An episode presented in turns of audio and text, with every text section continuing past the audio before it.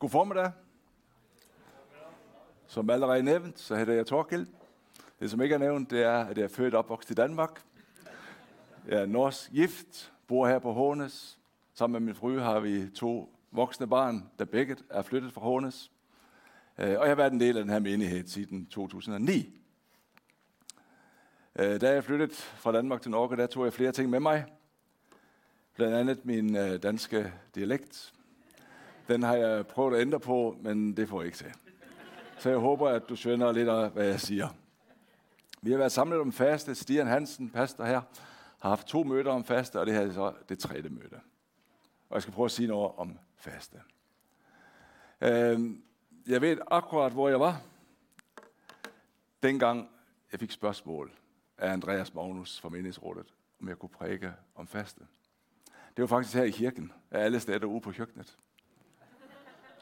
Evin Holm, som sidder her, har udfordret, udfordret mig til at være hovmester på en trerallers gallamiddag før jul for de unge. Jeg har aldrig prøvet det før, men jeg fik udfordringen. Tak. Og Geir Andersen og team lagde tre vidunderlige retter, der blev serveret for de unge mennesker her i salen. Og mens jeg står der i amen af oksesteg og flyttesovs, kan du prædike om faste. For en herlig kontrast. Jeg kontaktede øh, Andreas dagen efter og takket ja til opdraget. Og så siger Andreas, for jeg har hørt, du har erfaring med emnet. Så var der lang pause, så sagde Andreas, den erfaring, jeg har, det er de få gange i mit liv, jeg har prøvet det, der er erfaringen er, at det bliver sur og grætten. Det er min erfaring. Men jeg takket ja til opdraget. Tak, Andreas, du udfordrer mig, fordi når jeg får et opdrag eller et emne, jeg ikke kan nå om, så jobber jeg med det, og så får jeg en hel høv af det selv. Så det er vældig godt. Tak, Andreas. Faste, det har ikke været et tema i min lavkirkelige opvækst, eller i min åndelige vandring i det hele taget. Jeg må indrømme, at det var første gang i mit liv, og jeg er ikke helt ung længere, at jeg var på Aske onsdag gudstjeneste for i onsdag med Stian. Første gang. Jeg har hørt hundredvis af prægner i mit liv. Kanskje tusind. Faste har ikke været tema på mange af de. Faste har ikke været en del af teologistudiet heller. Jeg spurgte hen på Ansgarskolen, hvor jeg jobber, mine øh, kolleger, som underviser i teologi eller kristendom, om de har haft studenter, som har valgt faste som tema, når de skal indlevere en eksamensopgave, enten emneopgave, masteropgave, bacheloropgave. Svaret er nej. Jeg har faktisk også spurgt andre uddannelsesinstitutioner, om de har samme erfaring, og har ikke fået noget positivt. Men altså i dag er det faste, vi skal snakke om. Og hvor blev det af den? Dagen, avisen Dagen, skrev om faste i sin lederartikel her for nogle dage siden, den 21. februar. Og der spørges der, hvad har sket med fasten? Og i den, der står der faktisk her i den lederartikel, der står der, det er et paradoks, af denne ligegyldigheden, altså omkring faste, og til og med kundskabsløsheden, også ser ud til at præge den del af kristenheden, som kalder sig bibeltro og konservative. Den kendte præsten, forfatter og tidligere biskop Per Dahl, han øh, skrev i vort land for nogle dage siden, af en eller anden grund har mange af os desværre fået ødelagt forholdet til fasten. Kanskje det skyldes det, at vi vil være i fred med vores markelighed. Interessant. Men det modsatte har set på den ikke-religiøse arena. Flere og flere har fået øjnene op for fastens mange helsemæssige gevinster. Men hvad er egentlig sket med den kristne fase? Hvad er egentlig faste, og hvad er ikke faste? Det var faktisk, øh, når jeg siger, det var lidt logisk, at få en forspørgsel om faste på en galamiddag. Så er det fordi, at faste, kristen faste, det har noget med mat at gøre. Det hebraiske ord for faste, det betyder at dække munden. Og det græske, som bliver brugt i Nye Testamente, det betyder afstå fra at spise. Og så vil jeg gerne sige, at faste har ikke noget med fast food at gøre. Bibelsk faste, det er, hør godt efter, det er afholdenhed, eller delvis afholdenhed fra mart. eller drikke og drikke, i en periode og for en specielt hensigt. afholdenhed på generelt grundlag, det er en god kristen dyd. Det er at afstå fra noget, spring over. Paulus han siger i Filipperbrevet kapitel 4, at jeg har lært at nøje mig med det, jeg har. Læg mærke til, at Paulus siger, jeg har lært det. Det er ikke noget, der kommer automatisk. Vi vil have mere og mere og mere. Vi vil konsumere og konsumere. Hvad med at snu det? Og konsumindre. Konsumenter er et fantastisk ord, som Lars Værket, som er klimarådgiver i Christiansand Kommune, har fundet på og vil gerne have ind i det norske sproget. Fastetiden, som vi er inde i nu, det er en, en tid, som mange bruger på netop at konsumere. Mange afholder sig fra ting, som man bruger enten tid eller penge på. Og nogen bruger den tiden, og kan til pengene til at give det til Gud eller til sin næste. Nogle siger, jeg faster for Facebook, jeg faster for Instagram, jeg faster for tv, skærmfri uge, jeg har en hvid måned. Alt det er vældig greit, men det er ikke faste. Og mange blander faste og afholdenhed. Bibelsk faste, det er afholdenhed, men det er format, eller delvis format, og for nogen drikke i en periode for en speciel hensigt. Og denne hensigten er ikke for at opnå bedre helse eller for at slanke sig, selvom det kan være en sideeffekt ved fasten. Rundt øh, 30 gange i Bibelen læser vi om faste på ulik vis. Helt fra 2. Mosebog, der læser vi faktisk om Moses. Han fastede i 40 dage og 40 nætter i forbindelse med de 10 bud. Senere, der læser vi om det her Elia, en af hovedprofeterne. Han fastede også i 40 dage og 40 nætter. Og Jesus i Nye Testamentet. Altså tre store personligheder i Bibelen. Moses, loven, den gamle pagt. Elia, profeterne. Jesus, den nye pagt. Ikke? Fantastisk. Men ikke ret mange andre steder, faktisk ingen andre steder, læser man om 40 dages faste. Senere i Mosebøgerne, der læser vi om den store forsoningsdagen, Yom Kippur, hvor folk fastede for at blive kvitt sine synder. Og Yom Kippur, det fejrer stadigvæk blandt jøder i verden. Det er i september-oktober, og det er en dag, hvor jøderne ikke faster, alle de, som er over 13 år og helsemæssige årsager godt kan faste. Så de fejrer stadig med faste. Ellers er faste i Gamle Testamente brugt i ulike sammenhæng. Og jeg har ligesom fire kategorier i Gamle Testamente. Enten så var det for at udtrykke anger og omvendelse, som vi læser om forsoningsdagen, eller så var det for at udtrykke sorg. Der står, at da kong Saul døde, der fastede de i syv dage. Eller et nødråb til Gud i en krise. Der er flere eksempler. Hovedeksempler er kanskje Esters bog, hvis der husker det. Der fastede de for at undgå at blive udryddet. Eller for at omgøre Guds plan i en situation, som vi har i Jonabukken. Men Nineve, folk i Nineve, de fastet, og Gud ændrede sin plan. I Nye Testamentet der er der ikke så mye undervisning eller vejledning rundt det med faste. Det at råde sine tilhører til at faste, det er ikke en stor del af Jesus sit tjeneste eller forkyndelse. Faktisk så pålægger Nye Testamentet os ikke at faste.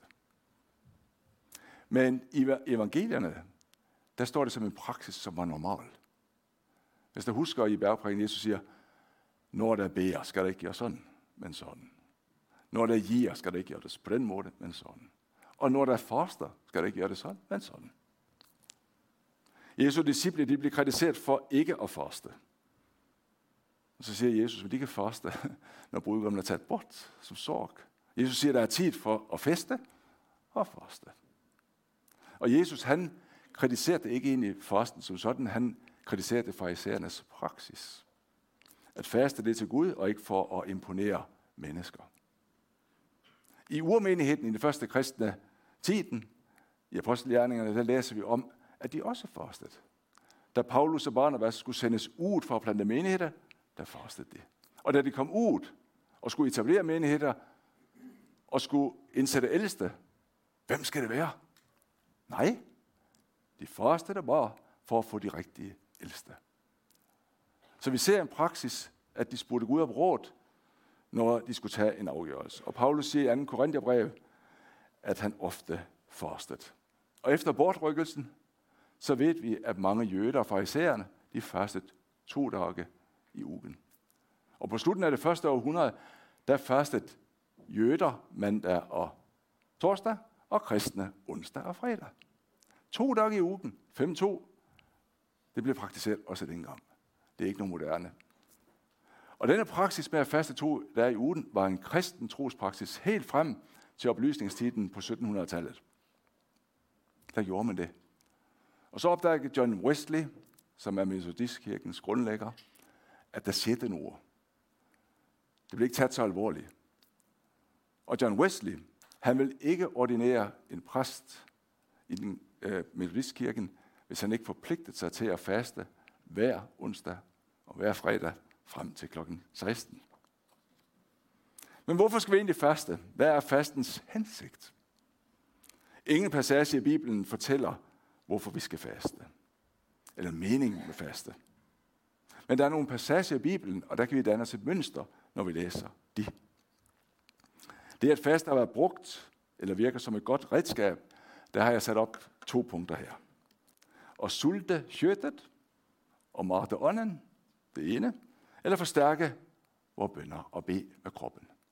Og så er der egentlig et tredje perspektiv, som jeg ikke kommer til at berøre så mye.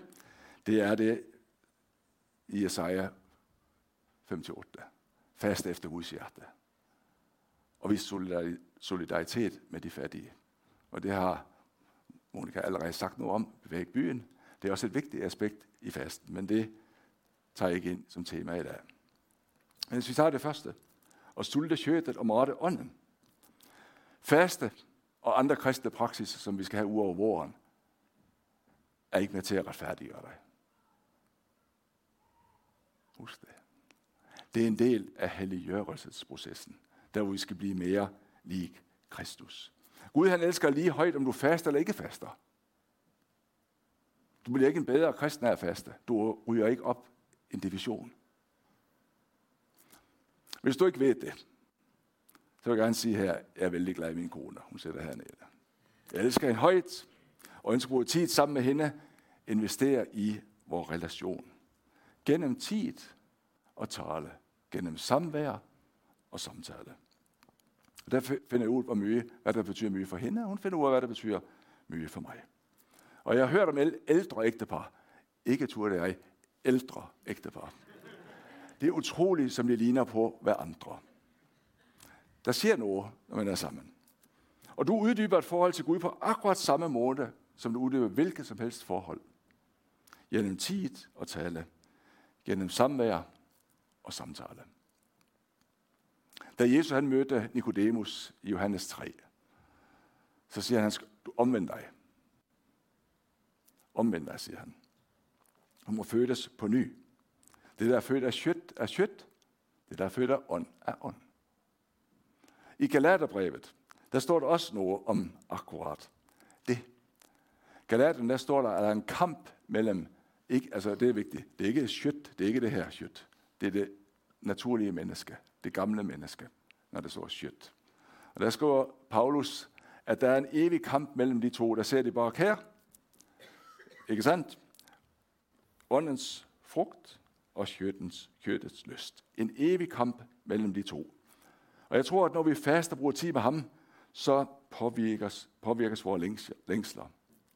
Noget går ned, og noget andet bliver styrket. Fasten jeg når i sindet mit med mine hjerneceller. Sindet bliver mere åben for at høre Guds tale. Det gør noget med overvågenheden min. De ting, jeg ser. Den kendte teologen og forfatter Richard Forster, han har skrevet flere bøger om bøn, og han siger i citat i sin bøn, Faste afslører tingene, som styrer os. Hvis stolthed kontrollerer os, vil det blive afsløret næsten umiddelbart. Sinde, bitterhed, jalousi, strid, frygt. Hvis de er i os, vil de dukke op under fasten. I jul, der siger Herren, vend om til mig af hele deres hjerte. Med faste, gråt og klokke. Altså hele deres hjerte, hele mig, også min mørke. Faste, den øger følelsen af ydmyghed og min afhængighed af Herren. Herre, jeg trænger dig. I en engelsk oversættelse af 1. Korintherbrev, der siger Paulus her i kapitel 6, brug hver del af kroppen din til at give ære tilbage til Gud. Og jeg tror faktisk, at når du klarer at mestre din appetit så gør det på en eller anden måde, det styrker dig til at få sejr over nogle andre, undskyld, uordner, eller ting, du ikke ønsker skal være en del af dit liv og skal råde over dit liv. Den kendte psykologen Jordan Peterson, han har sagt til unge mennesker, og os andre også, som ikke rigtig får til dagen, øh, start dagen med at rejse de. Rejse de. Det er han kendt for det udtryk. Hvorfor det? Jo, for der får du en mestringsfølelse. Jeg har faktisk mestret noget. Jeg redder min seng. Og kanskje det påvirker dig til at tage andre gode valg ud over dagen. De her investeringstider, jeg har med Tyrit, de er ikke altid, og der fandt jeg et godt ord i går på vej ned til Anskerskolen, og så glemte jeg det, da jeg kom ned. For jeg skal ikke øh, hverken sove turet eller misforstås. Men det er ikke altid, at de er lige, hvad kan man sige, opbyggende. Vi planlægger at have en koselig kveld sammen. Nogle gange giver det vældig mye. Andre gange, der er vi kanskje på to forskellige planeter. Jeg er smågretten. Jeg er faktisk lidt kortlundet for noget. Det er ikke altid, det giver det samme. Men det er fællesskab. Det er fællesskab, og det gør noget i vores relation. På samme måde med kristne trospraksiser. Det gør, at du faster, og synes, det var helt fantastisk. Næste gang du faster, var det helt forfærdeligt. Jeg var sur, jeg var jeg havde hovedværk, jeg fik absolut ikke noget ud af det. Føj, aldrig gør det mere. Sådan er det. Men det gør noget. Det gør noget med dig. Der står efter 40, 40 dages faste, der var Jesus sulten. Han var sulten. Selvfølgelig var han det. Men han var mere oplagt end nogen gange til at møde fristelser og andre udfordringer. Jesus han var fysisk træt, men han var styrket i ånden. Der står, at han blev drevet ud, fyldt af den hellige ånd, men efter før det, han tilbage. Hvad står der? I åndens kraft. Der var så altså sket noget i den balancen. Ja, så må vi tage det med bøn. Der er en klar relation mellem bøn og faste. Du kan sagtens bede uden at faste, og du kan faste uden at bede. Men kombineret de to, der er det dynamit, der skaber den ord. Nogle har kaldt faste øh, bøndens amplifier, altså bøndens forstærker. Og det er absolut ikke, fordi Gud er døv, han ikke kan høre. Og det er også vigtigt, at du ikke tror, at du ved at faste kan vrige armen om på Gud og sige, har nu har jeg fastet, så har du altså bare at svare mig. Det er ikke mekanisk måde at opnå bøndesvar på. Det er, at du på en måde en selvportræt lidelse i håb om, at hører han. Men selvom faste ikke er for at manipulere Gud, så er det så selv ham, der har fundet på det. Det er hans idé. Og jeg tror, jeg tror faktisk ikke, Gud bliver vældig imponeret over, at jeg springer over et måltid eller to. Men jeg tror, det gør noget med mit hjerte. Der er et kendt vers i krønikebøgerne. Det er et vældig kendt vers. Der har sikkert set mange gange. Det der Salomon skal ind i templet, så siger Herren. Hvis der er dette folket, som mit navn er nævnt over, ydmyger sig og beder, søger mig og vender om fra sine undervejer. Der skal jeg høre dem fra himlen, tilgive dem synderne og lægge landet. Og både Jakob, Jakobs brev og i Peters brev, der står der ikke, at Gud ydmyger os. Han står, der står, ydmyg dig for Herren, og han skal ophøje dig. Så der er altså noget der. Øh, den gamle prædikanten Dirk Prince, nu er jeg lidt ældre, så jeg har hørt om Dirk Prince. Det er ikke sikkert, at jeg har hørt om ham. Men det er altså en kendt forkynder fra tid tilbage. Han er død øh, hjemme hos Herren. Han sagde faktisk, at fasten var Guds fantastiske redskab i den processen med faktisk at hjælpe os til at holde os ydmyge. En afhængighed. Fordi stolthed, som er modsætning til ydmyghed, det holder mange bøndesvarer væk. Stolthed hindrer os i at få mange af Herrens velsignelser. David siger i salme 35, jeg ydmyget mig med faste, siger han. Fasten er med på at kropsliggøre min svaghed og min afhængighed. Kroppen min snakker. Body talk. I Amir 29, der står der, Find mig, siger Herren, når du søger mig af hele dit hjerte. Bøn er ikke bare noget, jeg gør med min forstand, min fantasi, min ånd. Det er en hel, hel, hel, hel menneskelig aktivitet. En måde at udtrykke mit alvor, min desperation, min afhængighed, at det her bønneemne, det er jamen vigtigere end en Big Mac for mig. I salme 50, 15, kald på mig på nødens dag, det har vi sikkert set. Og jeg vil udfri dig, og du skal ære mig. På nødens dag, der er ikke ret mange af mine bønder, der er nødråb. Faste gør mig klar, tror jeg, til at få Guds svar, og kan se et andet svar, end det jeg forventet. Jeg kommer på bølgelængde med han og hans planer. Jakob siger i kapitel 4, der beder, man får ikke, fordi der beder med fejl motiver. Det er vigtigt, at hvis vi får bøndesvar, så ligger kraften ikke i metoden, men i Kristus. Og jeg må faktisk indrømme, at på en måde, skal ikke misforstå mig, men på en måde er det greit, at vi ikke får bøndesvar hver gang vi faster. For der ligger der en enorm fare i, at det er fasten, der gør udfaldet, og ikke Kristus. Altså, vi kan salve med olie, vi kan bøje knæ, vi kan sige tak under alle forhold, vi kan holde nat, før vi beder. Der er mange ting, vi kan gøre. Vi kan tage de tunger, og hvis der var en automatik i, at der siger det, så kan det få opmærksomheden, fordi vi er mennesker. Der er et frygteligt eksempel på det i Gamle Testamentet, hvor at israelitterne blev bidt af slanger. Hvad skulle Moses gøre? Han skulle sætte op en kopperslange. Når de så op på kopperslangen, så blev de friske. Fantastisk, det blev de. Og Jesus selv bruger det, det billede på kopperslangen på sig selv, når han blev hængt op på korset. Det er ikke sandt? Men hvad skete der ved den kopperslangen senere? Den blev genstand for tilbedelse. Sådan er vi mennesker. Men selvom der ikke altid er gennemslag med bøn og faste, så er bøn og faste sammen dynamit. De sidste øh, år er der begyndt at komme forskningsresultater, det står der også, at jeg skal sige lidt om, og det kan jeg ikke så mye om, på at der er en enorm kraft i fasten, også for vores helse. Hvis du går ind på forskning.no, så vil du finde alle mulige gode ting. Min kære frue Turet dernede, hun lytter til en del til en amerikansk læge, der hedder øh, Sten Ekberg. Han har mange helsevideoer ude på net. Og jeg har faktisk fået tiltro til ham. Det må jeg indrømme, fordi han ikke vil selv noget. Han høres troværdig ud, og han fortæller om feast and famine. Altså fest og hungersnød. Eller fest og faste. Vi er vant til tre måltider hver eneste dag, plus lidt indimellem. Øh, og der cellen får tilført noget, som er godt for den. Og vi får energi. Hvis cellen får for mye, så må den lagre det. Og det gør den. Og der vil periodevis faste. Der ser der noget. Der skal den ikke bare lagre, der må den faktisk også hente på lageret. Og Erik Ekberg, han viser til en forskningsrapport, som jeg har vældig sans på. Øhm, den har jeg her. Jeg har lastet den ned.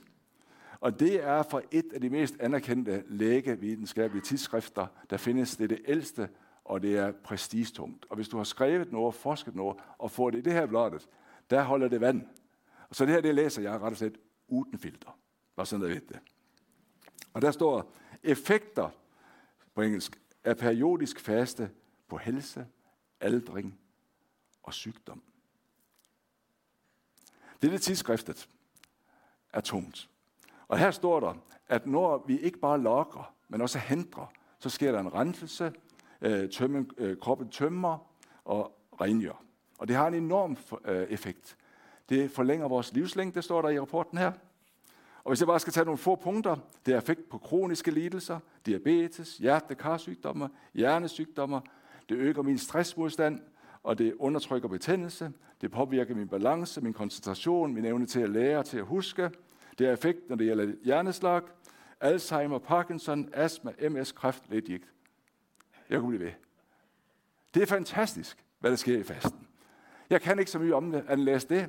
Så hvis du er interesseret i alle de bieffekter, der er ved en åndelig faste, så gå ind, spørg Dr. Google, eller spørg min frue, som sidder hernede, og blive inspireret. Og selv synes jeg, det er utrolig spændende. Jeg er vant med tre måltider hver eneste dag. Sådan er jeg bare opvokset. Og kroppen er ufattelig tilpasningsdygtig. Jeg har prøvet at lure den. Jeg har faktisk den sidste måned prøvet det, der hedder 16-8. Jeg spiser 8 timer, og så faster i 16 timer. Jeg har også prøvet nogle andre former for faste i den her periode, som en del af forberedelsen. Jeg kan ikke lige at sige noget, jeg ikke selv har prøvet. Og ved I hvad? Det har gået utrolig bra. Jeg har overlevet. Og jeg stoler på forskningen her, og jeg stoler på Guds ord her. Og håber, det er godt for mig. Selvom jeg ikke er blevet en supermand, eller har fået englevinger. Og jeg kommer til at tænke på verset fra Matthæus. Søg først Guds rige, og hans retfærd, så skal alt andet gives i til livet. Vel, Jeg synes, det er utrolig spændende, at vi hvor jobber med trospraksiser. Det er det ikke bare prægner, ikke bare teori, men praksis. Og at praksis den er med til at forme os. Jeg vil godt tænke mig at komme med et lille eksempel fra mit eget liv, når det gælder trospraksiser. I min vandring har jeg lært én ting, og det er, at alle har noget. Alle har noget. Hvis du har udfordringer i livet, så er du ikke den eneste. Hvis du kommer her og siger, jeg har hørt med udfordringer, alle disse prægtige mennesker, der sidder her, de har sikkert ingenting. Det er en illusion. Vi har alle noget. Alle har udfordringer. Det har jeg også.